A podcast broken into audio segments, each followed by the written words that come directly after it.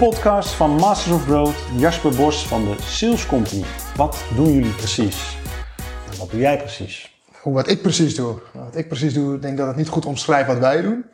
Uh, de Sales Company is een direct marketingbureau. En wij zetten ons in voor uh, ja, verschillende aanmerken, voor opdrachtgevers, voor uh, street marketing, deur aan deurwerving, evenementenwerving, promotieactiviteiten. Eigenlijk alles wat marketing en sales gerelateerd is. callcenterwerk, bedenk het maar en we verkopen het of we doen het. Jullie hebben een enorme groei gemaakt, hè? een groot bedrijf. kan je daar iets over vertellen? Hoe groot jullie bedrijf is, hoeveel mensen bijvoorbeeld in dienst zijn? Uh, nou, bij de sales company zelf zijn er denk ik rond de 400, 500 in dienst. In de totale groep waarmee wij samenwerken, dus ook met een trust marketing, uh, werken er tussen de 800 en de 1000 mensen. Dat varieert nogal.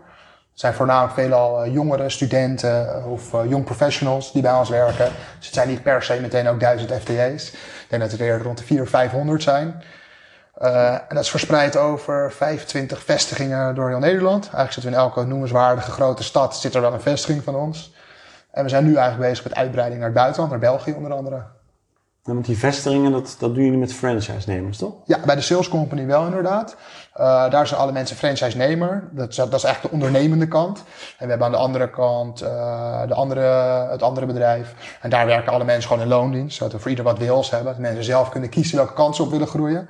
Uh, of ze gewoon in de organisatie als loondienst willen werken. Of als ze, of als ze willen ondernemen, kunnen ze daarin doorgroeien.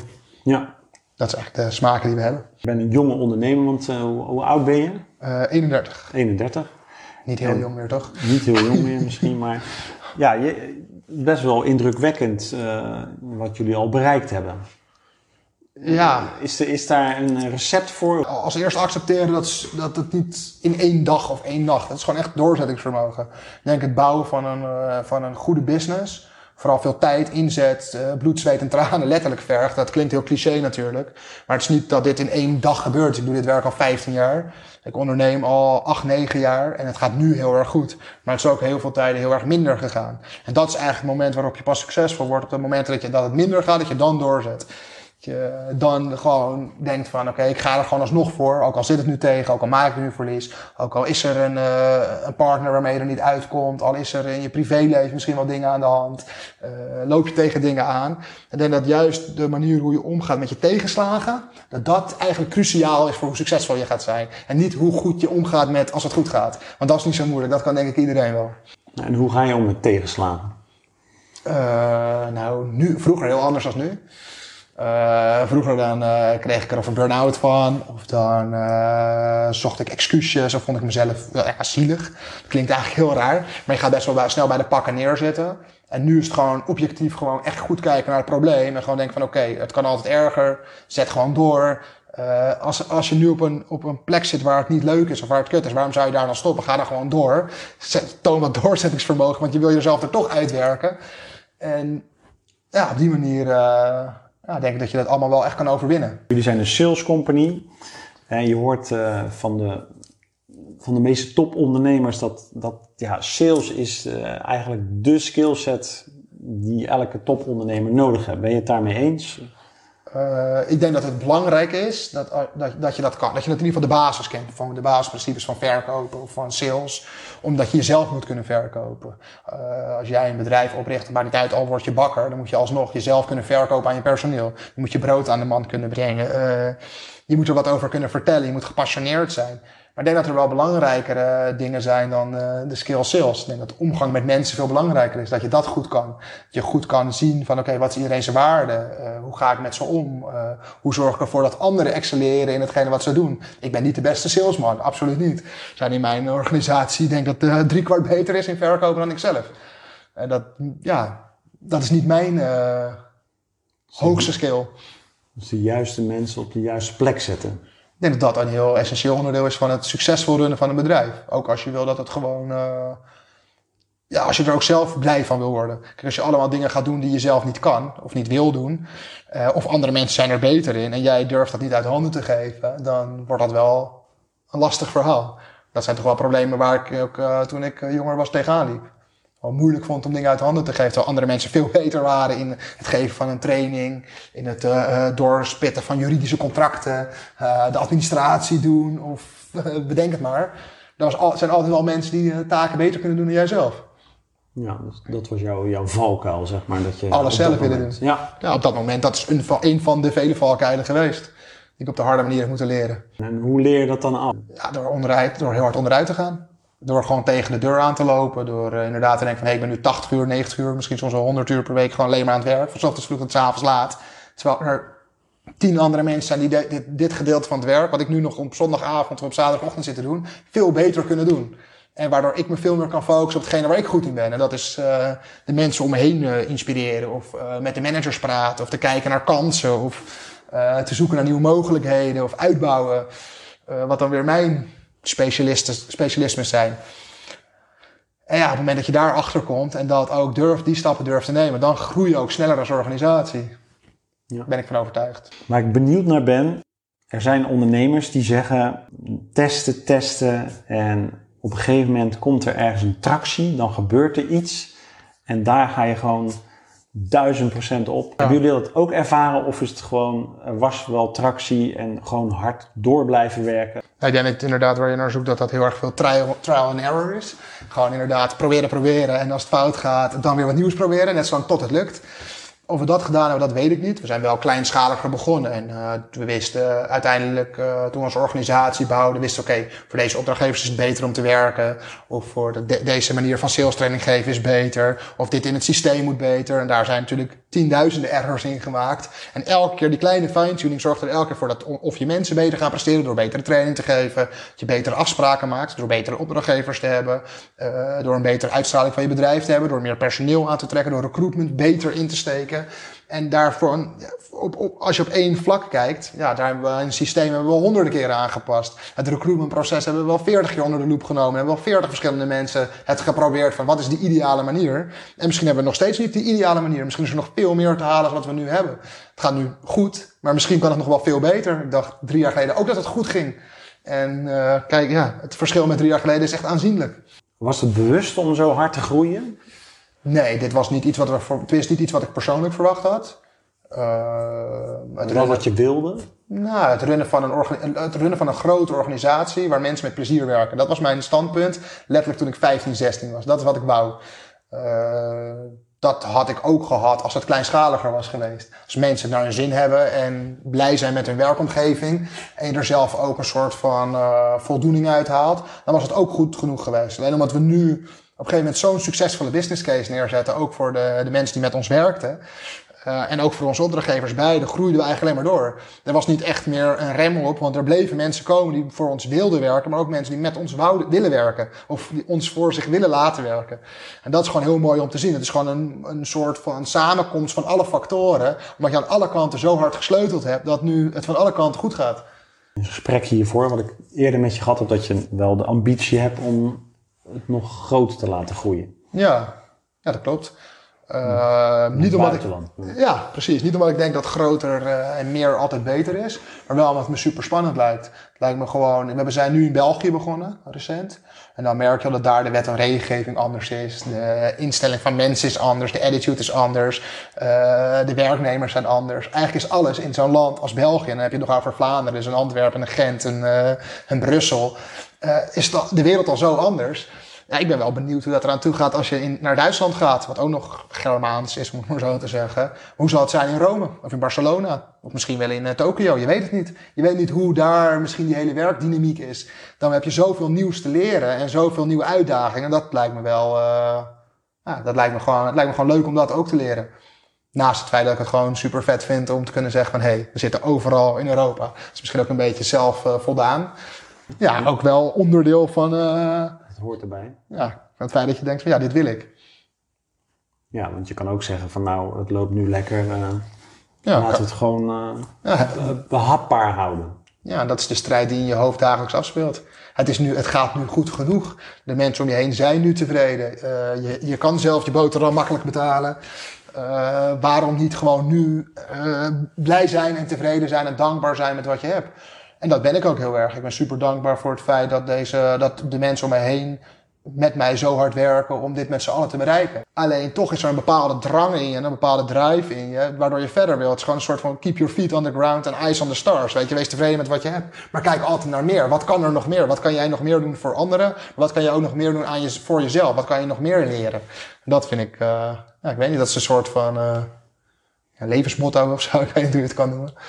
Ja, want als je die eigenschap niet zou hebben, zou je waarschijnlijk ook dit niet bereikt hebben. Dat weet ik niet. Nou, ik denk niet dat als je de eigenschap hebt dat je geen volhardendheid hebt of niet bereid bent om bepaalde opofferingen te maken of heel hard te werken, dat je niet bepaalde dingen kan behalen.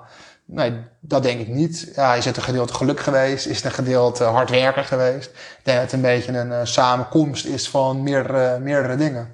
Ik denk dat er ook iemand anders in mijn positie die misschien net zo hard had gewerkt, misschien wel hetzelfde kan bereiken of bereikt. Dat, ja, ik wil niet vertellen dat ik bijzonderder ben of anders ben dan de rest. Ik denk dat de andere mensen het ook kunnen.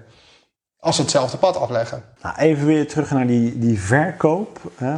Je hoort wel eens uh, cold calling is, is, is dead. Uh, het is een beetje, voor mijn gevoel, de tijd dat uh, verkoop, dat mensen dat toch steeds minder vinden. Hè. Ze willen allemaal inbound marketing en Online. funnels maken, dat mensen vanzelf naar je toe komen. Tuurlijk. Dat geloof ik ook. Dat mensen, dat, dat, dat mensen daar graag in willen geloven. Maar ik denk dat nog steeds persoonlijke benadering van mensen. En cold calling, dan denk ik meer inderdaad aan bellen. Maar ik denk ook niet dat dat dood is. Ik denk dat persoonlijke benadering altijd een vorm van, uh, of die vorm van verkoop altijd zal blijven. Kijk, niemand staat ochtends op met het idee van laat ik eens me gaan inschrijven voor dit of dat. Of laat ik eens van energieleverancier wisselen. Ja, misschien die paar procent die ochtends wakker wordt, naar zijn laptop loopt en gaat denken van hé, hey, kan ik wat besparen? Uh, maar 95% van de mensen die wil daar helemaal niet over nadenken. Het is een generiek product, het maakt ze niet zo heel veel uit. Uh, maar als iemand voor de deur staat die zegt, hé, hey, u kunt 30 euro per maand besparen, dan zijn ze wel bereid om erin mee te gaan als ze daarop geattendeerd worden.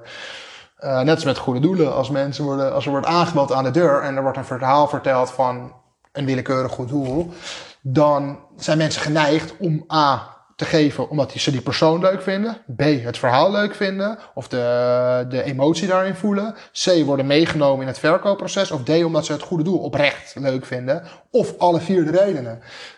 En dat, dat gevoel brengt een laptop niet. En Facebook ad gaat jou niet een persoonlijk verhaal vertellen. Die gaat niet vertellen van, oké, hoe vindt u dat? En die gaat niet met, met jou het gesprek aan over wat dan ook. Die luistert ook niet naar je problemen. Die biedt gewoon heel generiek een product aan van oké, jij hebt een keer hier en hier op geklikt en daarom denk ik dat dit bij jou past. Bam. Dat is een computer. Een computer en mensen, menselijke interactie zit toch nog altijd wel een uh, wereld van verschil in, mijn optiek. Wat is dat toch? Ik, ook al, uh, ik zit ook al heel lang in de verkoop. Je kan mensen nog zo vaak mailen, je kan nog zoveel advertenties plaatsen, maar heel vaak hebben uh, mensen, potentiële klanten, toch altijd het setje nodig om te kopen. Tuurlijk, maar dat is omdat ze een ander mens tegenover zich willen zien, in de ogen aan kunnen kijken en willen geloven. Ze willen van jou horen dat er, dat, dat kan. Ze, willen, ze kunnen een advertentie lezen dat, uh, dat, dat als jij iets plaatst, dat daar honderd mensen op gaan reageren. Oké, dat staat daar op papier. Maar als jij dat zegt en jij vertelt dat en jij onderbouwt dat met uh, bewijs, jij zegt, nou, ik heb het voor die en die gedaan. En hey, ken je die en die die hier verderop zit? Daar heb ik het ook zo en zo voor gedaan. En oh, ken je dat en dat? Daar heb ik het ook voor gedaan. Dan kunnen ze het associëren. En dat kan, kan, kan jij als persoon natuurlijk altijd veel beter overbrengen. Dan dat een advertentie dat kan. Of een mailtje. Want een mailtje wordt gelezen op de manier hoe de ander het interpreteert. En niet op de manier hoe jij het vertelt. Dat is niet, dat is niet hetzelfde. Als je een goede verkoper bent, of een goed product verkoopt, dan hoef je niet eens een goede verkoper te zijn. En het eerlijke verhaal weet te vertellen. En ook echt waarde toevoegt voor de andere persoon. Waarom zou hij geen zaken met je doen dan? Als jij echt oprecht luistert en zijn of haar probleem oplost. Want dat is wat verkopen in feite echt is. Je lost een probleem op. En je overtuigt iemand daarvan dat, dat, dat jullie dat op die manier samen gaan doen. En dat doet een advertentie niet. Een advertentie zegt alleen de oplossing. Heb jij uh, drie basistips wat in verkoop belangrijk is? Oh, in verkoop, ja. Dan moet ik me nu gaan meten met allemaal mensen die dat allemaal veel beter weten dan ik. We hebben in onze organisatie een heleboel mensen met duizenden tips. Jullie verkopen heel veel. Dus, Wij verkopen heel veel, dat scheelt inderdaad. Uh, ik denk dat goed luisteren. Uh, ik denk dat oprechtheid en eerlijkheid ook heel belangrijk is. Uh, een goede pitch hebben, een goed verhaal hebben en heel veel training. Uh, op het moment dat uh, dit, in die training dan voornamelijk de echte praktijkervaring.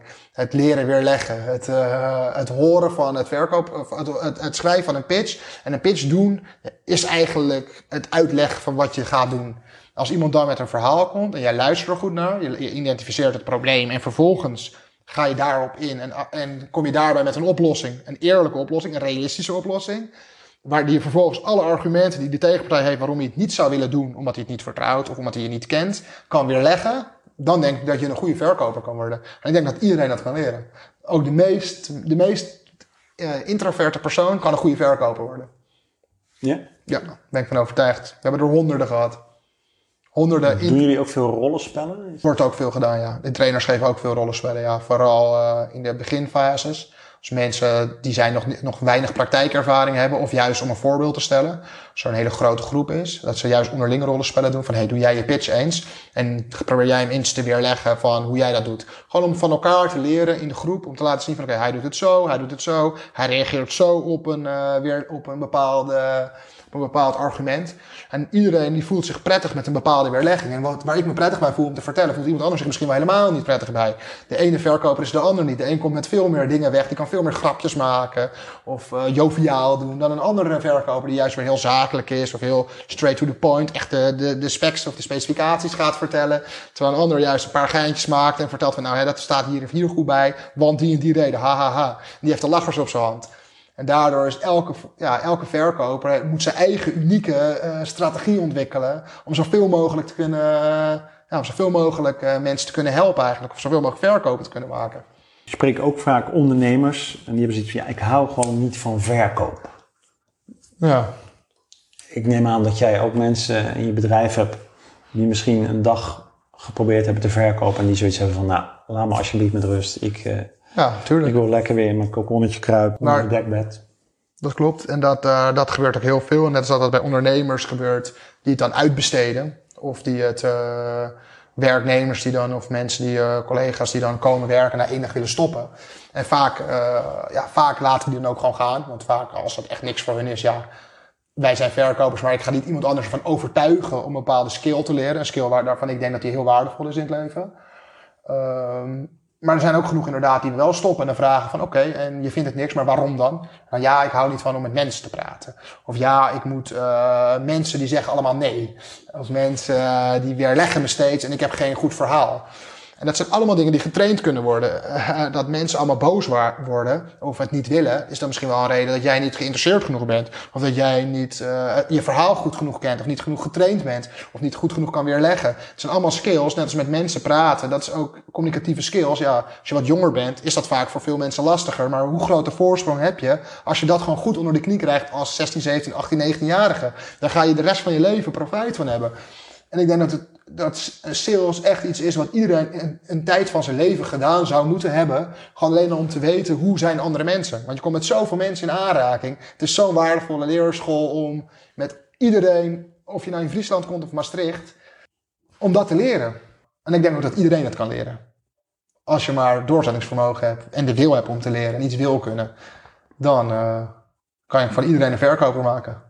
Dat verkopers niet een product, een monoloog houden door iemands uh, strot heen rammen, om het maar zo te zeggen. Het is eigenlijk het identificeren, het, het vragen aan de ander van, hé, hey, ik heb dit en dit, maar waar ben jij nou eigenlijk naar op zoek?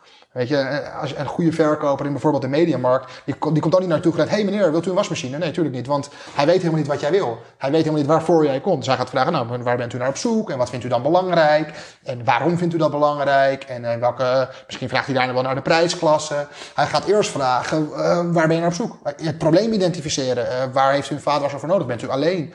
wilt u dat de borden schoongemaakt worden? Of wilt u dat, wilt u dat, dat het kristal erin kan? Want ja, dan heb je een andere prijsklasse misschien wel wat leuks voor u. Verkopers gewoon communiceren. Net zoals het hele leven communiceren is. En ik denk dat het daarom voor heel veel mensen heel erg goed zou zijn om, om die basisskill, die communicatieskill te leren. Je ziet als een dokter, als, als jij binnenkomt als patiënt en uh, ik zie het al, ja, jij moet uh, je arm in het, uh, in de miet tellen. Ja. Nee, ga eerst vragen, vragen, Precies. vragen wat je wil. Klopt. En hij hoeft niks te verkopen. Hij moet alleen het probleem identificeren. Want verkopen en iemand zwingen. Kijk, je kan wel zeggen, je, eh, gaat 10 euro besparen. Oké, dan heb je dan gooit op een prijs iets. Maar misschien vindt diegene het wel veel belangrijker dat de energie groen is. Of vindt diegene het wel veel belangrijker dat er een bepaalde bijdrage wordt gedaan aan een, een of andere andere organisatie. Je weet helemaal niet wat diegene belangrijk vindt. Je doet maar gewoon een assumptie. En op basis daarvan probeer je dan een verkoop te doen. Terwijl het voor de meeste dingen gewoon niet gaat werken. En inderdaad, bij dokters werkt het ook niet, maar het werkt bij geen één. Ik denk bij geen één soort bedrijf. Als je in de bouw zegt en uh, mensen komen naartoe, ik wil graag dat je mijn huis gaat. Dan zegt, nou, oh, u wilt zeker een vierkant huis in, uh, op de Loosdrechtse plassen, terwijl diegene misschien wel graag in de duinen wil wonen. Dan gaat diegene nooit zaken met je doen. Gewoon een kwestie van luisteren. Misschien is het communiceren niet eens het goede woord, maar luisteren het goede woord. Leren luisteren. En vragen stellen. En vragen stellen. Hoe zorg je ervoor dat, dat je sales team groeit? je hebt die uh, individuele verkopers. Maar dat is natuurlijk ook een skill om, om zo'n groep gemotiveerd te houden. Ja. Ooit in het verleden heb ik dat ook wel eens gedaan. En het viel me op dat uh, mensen elkaar aan uh, ja, negatief beïnvloeden. beïnvloeden. Onderling, de of verkopers? positief, ja. ja. Oké. Okay. En als ze elkaar negatief beïnvloeden, herfstvakantie, of het is zomer, of uh, ken je dat soort... De excuses. Uh, de excuses. Ja, tuurlijk. Er zijn altijd duizend en één redenen om iets niet te kunnen, maar je moet naar de redenen zoeken waarom iets wel kan. En wat wij doen bij de, waarom ons sales team groeit, naast het feit dat we gewoon goed, uh, ja, een goed recruitment plan hebben, dus waarbij we mensen recruiten en wij zorgen voor een leuke werkomgeving, Waardoor mensen ook onderling met elkaar voor doelen strijden. Ik denk dat dat ook belangrijk is. Dat, ze met, dat je een gezamenlijk doel hebt als groep. Uh, bij ons zijn alle vestigingen die streven één doel na. Elke week heb je een weekdoel. Elke dag heb je een dagdoel. Elke maand heb je een maanddoel. En die vestigingen individueel, waar dan weer 40, 50 mensen werken, die hebben dan ook een doel met elkaar om naartoe te werken. Dus je hebt als organisatie een doel. Je hebt als... Uh, als vestiging een doel, maar ook als individuele verkopers heb je een bepaald doel om te halen. En daar staan dan weer beloningen tegenover, zowel met bonussen financieel gezien, maar ook met etentjes, uitjes, vakanties. En als jij bij een bepaalde groep wil horen, die bijvoorbeeld de top 5% in het bedrijf is, dan zal je daar ook heel hard voor moeten werken. Maar die mensen, die goede mensen, die kennen elkaar ook allemaal en die enthousiasmeren elkaar allemaal. Die maken aparte groepsapps waar wij helemaal niks van weten, om elkaar uit te dagen van, hey, zullen wij vandaag uh, samen gaan verkopen. En dan gaan ze een battle met elkaar aan. En dan zetten ze er allebei een, weet ik veel, een flesje drank op. Of uh, 20 euro. Of een grapje. Of uh, als ik win van jou, dan moet jij een gedichtje maken hoe goed ik wel niet ben. En hoe slecht jij wel niet bent. En zo motiveren ze elkaar ook. En dat moedigen wij ook heel erg aan. Om ervoor te zorgen dat die salescultuur, die positieve salescultuur, er eigenlijk altijd is. En als mensen echt gaan aangeven, inderdaad, uh, ik kan hier niet verkopen. Of ik kan nu niet verkopen, want die en die reden. Proberen we die mensen altijd of snel om te turnen. Maar voor te zorgen dat ze weer een positieve sales mindset krijgen. Door ze met gemotiveerde mensen te laten samenwerken. Uh, door ze individueel te trainen. Maar als het natuurlijk een blijvend ding is en iemand, ja, die vaak ook zo praat of zo'n attitude heeft, die is vaak ook minder goed erin of die haalt minder resultaten. En die zou dan uiteindelijk, uh, ja, zal die er of uit zichzelf mee moeten stoppen of door ons verteld worden dat hij moet gaan stoppen. Die filter je eigenlijk. Want ja. je wil een bepaalde groep mensen een halen. Een soort rotte appels die je eruit haalt. Dat ja, rotte appels vind ik, uh, vind ik, vind, ja, vind ik, een beetje, vind ik een beetje onaardig klinken. Dit zijn mensen met andere skills en andere talenten. Alleen ze kunnen niet verkopen. Ze kunnen niet die positieve mindset vasthouden. Want wij geven ze eigenlijk alle tools om dat wel te kunnen. En als zij dan of uh, daar geen zin in hebben of geen interesse in hebben. En we ze niet kunnen omturnen om daar toch interesse in te hebben of toch in mee te gaan. Dan op een gegeven moment zal je toch afscheid van elkaar moeten nemen. Want je bent inderdaad een sales of een marketingorganisatie. Waarbij je uh, ja, een resultaat moet behalen voor je opdrachtgevers. Ja. ja. je noemde al wat praktische tips, hè? etentjes, bonussen. Maar heb je daar nog meer van? Dat je kan vertellen van ja, dat, dat zijn echt nou, tips om dat team... Uh... Om je verkoopteam goed te houden, laat ja. maar zeggen. Als je een verkoopteam hebt. Nou, wees oprecht in ze geïnteresseerd. Kijk, die bezwaren die zij uh, vertellen... Uh, die zullen misschien niet altijd in jouw optiek geloofwaardig zijn, maar zij lopen daar wel echt in hun hoofd daadwerkelijk tegenaan. Dus het is jouw verantwoordelijkheid als leidinggevende of als directie in een bedrijf om ervoor te zorgen dat jouw sales, sales tak of salesorganisatie, als je dat hebt, uh, gemotiveerd is en die bezwaren kan wegnemen. Jij moet hun dat leren. Vaak zijn dat jonge mensen. Jij bent niet de baas om te zeggen van nee, dat is niet zo. Want nee, dat is niet zo, is geen antwoord op hun bezwaar dan, dat is hetzelfde als het zij dat aan de deur gezegd. Dat iemand zegt van ja, maar hè, ik wil dit niet. Dat, dat mensen dan gaan zeggen nee, dat is niet zo. Dat is natuurlijk, dat kan niet. Dan moet jij gaan uitleggen van oké, ik, ik, hoor dat je dit en dit zegt. Ik vind het vervelend dat je dat zo ervaart, maar als je nou zo en zo probeert, denk je dat dat misschien zou kunnen werken? Of hey, ik zie dat, uh, dat, dat, dat, dat Jan doet het zo, maar ik hoor dat Piet het zo en zo doet. Misschien werkt het ook wel voor jou, Jan. Uh, of loop eens met, met Henk mee, of loop een keer met Mo mee, of een keer met Hassan mee. En ga het een keer met hem of haar proberen. En dan op die manier kan je ervoor zorgen dat ze dan toch weer er positief in gaan staan en een andere kijk erop hebben. En ik ben ervan oprecht van, van mening dat als jij mensen beloont met andere dingen dan geld, naast intrinsieke motivatie, dat uh, bijvoorbeeld een etentje of gewoon een waardering of een gebaar van helemaal goed gedaan, uh, hier heb je een pizza, een fles drank, dat dat beter werkt dan geld geven. Mensen kunnen bij ons honderden euro's bonus verdienen, maar ze werken keihard als ze s'avonds als ze terugkomen een pizza krijgen. dat is super grappig, want dat is gewoon zwaar psychologisch. Dat is iets wat ze meteen krijgen, waardoor de groep ziet van hé, hey, je hebt goed gepresteerd waar ze op happen. En niet op die 50 of die 100 euro die ze over een maand een keer bij een loon erbij krijgen. Want dat boeit ze helemaal niet.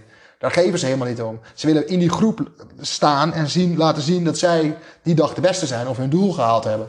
Die, misschien die groepsdruk, die, die groep, die motiveert elkaar. Ja, ze maken vaak onderling grapjes met elkaar. Ja, als je 40 mensen in een vestiging hebben die die dag werken. Dan krijgt de beste krijgt, uh, een fles drank, de tweede krijgt een pizza. Dat spreken ze onderling vaak met elkaar af. Maar degene die laatste wordt, moet bijvoorbeeld een vervelend klusje doen. Die moet de steeg vegen, of het pand opruimen, of die moet de hele avond voor iedereen bier halen. Of dat soort flauwe dingen. Waardoor je echt denkt van, nou hè, ik ga geen laatste worden, want uh, nee. ik sta de hele avond biertjes open te maken als ik straks terugkom. Ja, daar heb ik geen zin in. En daarmee uh, ja, kan je naast het feit dat je gewoon hun de ideale omstandigheden moet bieden. Want je moet je verkopers altijd de ideale omstandigheden geven. Uh, kan je er wel voor zorgen dat ze onderling ook met elkaar gaan bettelen. Want uiteindelijk ben jij als leidinggevende of als directie. Ja, hoeveel grip heb jij op ze? Ze hebben veel meer grip op elkaar, met elkaar. Ze praten ook meer met elkaar. Ze zijn ook meer met elkaar. Dan dat jij ooit met ze zal hebben. Heb je een goede maand gehad? Zo'n team? Ja. En dan uh, is een nieuwe maand, staat die teller weer op nul. Ja. Uh, dat is ook wel altijd wel een dingetje. Teller staat elke dag op nul. Dat is ook weer zo natuurlijk. Alles wat je gisteren, resultaat van gisteren telt niet meer. Het resultaat van gisteren is gisteren behaald. Je kan even trots zijn af en toe. En uh, dat moet je ook zijn. Ik denk ook dat je daar ook af en toe naar moet kijken. Dat doe ik zelf persoonlijk ook te weinig. Af en toe moet je gewoon even terugblikken en denken van oké, okay, waar kom ik vandaan? Wat heb ik behaald? Uh, dat en dat resultaat was goed. Maar vandaag is een nieuwe dag en een nieuwe uitdaging. Vandaag moeten we er weer voor zorgen dat we s ochtends vroeg opstaan iedereen motiveren. Dat we er weer met z'n allen voor gaan. Tot s'avonds het eind van de dag. En dan evalueer je de dag. En de volgende dag begint het feest weer opnieuw. En dat is elke dag, maand, week, jaar. Is dat gewoon een ja. nieuwe strijd. Hey, en jullie werken met franchise-nemers. Is, Klopt. Um, is dat iets waar je enthousiast over bent om ja. snel te groeien? Ja, absoluut. Had je dat veel eerder moeten doen? Of, uh... Uh, nee, zo heb ik het concept sowieso al bedacht toen ik al jonger was met franchise-nemers. Omdat ik graag ik wou graag ook werken met gemotiveerde mensen. Mensen die ik ook voor langere tijd aan me zou binden. En toen was ik ook echt nog jong, 2, 23. Toen dacht ik al bij mezelf van oké, wil ik, wil ik wer dat mensen voor me werken of wil ik met mensen werken? Dat heb ik gewoon voor mezelf ook al gezegd. Ik wil niet dat mensen voor me werken, want ik zie mezelf ook niet als een baas. Of als een uh, directeur of als wat dan ook. Dus ik denk, ik wil liever met mensen werken. En hoe kan ik dat nou doen? Dat is door samen te ondernemen. Nou, dat is met franchise natuurlijk echt zo. Ze zijn zelf verantwoordelijk voor het rijden en zeilen van hun panden. Ze zijn zelf verantwoordelijk voor het aangeven van hun belastingen. Maar ze worden ook betaald op basis van hun prestatie. En dat kan heel erg variëren. Van heel weinig tot heel erg veel. En uh, daar ga je ook het verschil in zien. En je trekt ook een ander soort mensen aan. Mensen werken gewoon 5, 6, 7, soms zelfs al 8, 9 jaar voor je. En met je eigenlijk, niet voor je. Met je.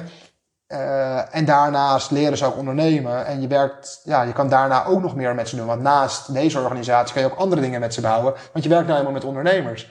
Die mensen zoeken ook zelf naar mogelijkheden. En dat enthousiasmeer ik ook alleen maar. Ook als ze dingen buiten mijn bereik doen, laat maar zeggen. Dan zou ik ze ook altijd mijn eerlijke mening geven. Met tips geven. Ze begeleiden. En als ze vragen hebben, kunnen ze ook altijd terecht. Omdat ik dat juist het mooie vind van andere mensen die ondernemen. Als het echt goed klinkt, dan wil ik er ook nog wel in investeren ook. Tuurlijk. Je doet het samen. Heb je jezelf altijd doelen gesteld? Uh, in mijn hoofd wel. Ik had voor mezelf wel wat financiële doelen die ik graag wil behalen. En daarnaast ook gewoon wat doelen van, uh, wordt de grootste salesorganisatie van Nederland, wordt de grootste direct marketingorganisatie van Nederland. Uh, ga naar het buitenland toe, ga internationale expansie was altijd een van de doelen. En zo zijn er toch wel meer doelen die je hebt, ja, die zijn er zeker geweest. En uh, naarmate je die doelen ook meer volbrengt, merk je ook dat de doelen stellen en er naartoe werken eigenlijk belangrijker is dan het behalen. Dat is ook wel een, een leuk om, om achter te komen. En uh, uiteindelijk stel je dan wel weer nieuwe doelen. Ja, nu is, nu is België, straks wordt het Duitsland, zoals ik ook al vertelde. Of Italië, of Spanje, of uh, weer een ander land. Ga je naar de, de nonnen van Vught om dan Duits te leren? Zijn dat nee, dingen waar je over nadenkt? Nee, waar ik nu heel erg mee bezig ben, is ik ben niet echt meer zozeer met mezelf bezig, maar vooral met andere mensen om me heen. Om te zoeken naar mensen waarvan ik denk van, hé, hey, in jou geloof ik. Ik denk dat jij echt wat kan. Uh, of ik denk dat wij echt samen wat kunnen, voornamelijk. Dat is misschien nog wel belangrijker. Uh, en dan probeer ik hun te kijken, te kijken van bijvoorbeeld, nou, hè, ik spreek geen Duits, maar hun wel. Uh, als jij nou eens naar Berlijn gaat en wij beginnen daar. Of als jij nou eens naar Parijs gaat of jij gaat naar Barcelona en dan krijg je mij alle coaching, feedback en alle jaren ervaring. mensen uit Nederland? Mensen uit Nederland of mensen die daar al wonen. Uh, in België noemen we bijvoorbeeld mensen uit Antwerpen, Brussel, uh, Gent uh, zelf. Dan gaan we niet mensen vanuit Nederland daar naartoe sturen in eerste instantie. Maar waarom niet? Dat zou ook kunnen. Het zou kunnen dat je mensen opstuurt, of opstuurt, dat je mensen daar naartoe stuurt. Ja, dat... Maar je gaat niet integreren in oh, hoe denken Belgen, hoe, hoe, werkt dat met Duitsers, hoe zijn de regio's? Hmm. Uh, de basisaspecten. voorbereid. Ja, natuurlijk. De basisaspecten zou je sowieso moeten leren. Naast het feit dat ondernemen in het buitenland sowieso altijd al anders is. Belastingtechnisch gezien, uh, loontechnisch gezien, werknemerregels technisch gezien, arbo's. Uh, ja, bedenk het maar. En het is in België eigenlijk al anders dan dat het in Nederland is. Daar loop je de eerste, het eerste keer dat je naar een buitenland gaat tegen heel veel problemen op. Maar die noteer je natuurlijk. Dan weet je van, hé, hey, volgende keer voordat ik naar een volgend land ga, ga ik eerst al deze dingen uitzoeken. En kijken hoe ik het daarvoor sta in plaats van dat je het maar gewoon gaat en probeert, wat je nu in eerste instantie uh, eigenlijk doet. Uh, dat identificeer je wel, maar om nou, kijk, uh, zal ik ooit begrijpen hoe Italianen 100% denken? Nee, ik denk het niet, want ik ben geen Italiaan. ik kan wel hun basisdingen weten dat zij misschien liever twee kussen geven dan een hand. Dat is wat Fransen bijvoorbeeld liever doen. maar om echt hun manier van denken, denk dat je daar beter een, een Italiaan voor kan hebben, of een Fransman bijvoorbeeld. Ja.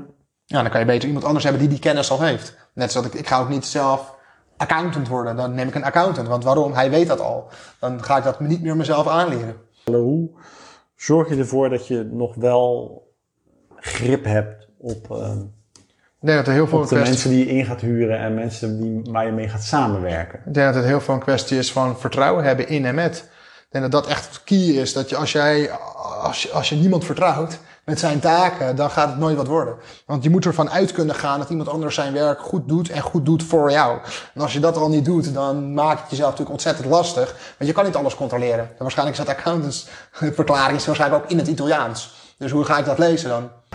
Op een gegeven moment, ik kan, je kan niet overal aanwezig zijn. Op 25 vestigingen in Nederland is het al moeilijk om overal altijd maar aanwezig te zijn. Dat kan al niet. Daar ga ik toch ook uit van de regio-managers en de trainers. Dat ik ze vertrouw dat zij hun werk goed uit, uit, uh, uitoefenen. En dat moet in het buitenland, zou je daar exact hetzelfde moeten doen. Je zal gewoon moeten accepteren dat het niet altijd in je control is. Dat het altijd een beetje, uh, ja, een groeps iets is. Ja. ja. Een stukje loslaten, denk ik. Nou, de laatste vraag moeten afronden. Waar zie je jezelf over vijf jaar? Zo, dat is wel een goede vraag. Maar daar heb ik wel, wel eentje waar ik vaker over na heb gedacht. Zeker de laatste jaar. Of het laatste jaar. Ik zou over vijf jaar zou ik, uh, het liefst alleen maar, maar bezighouden met andere mensen helpen.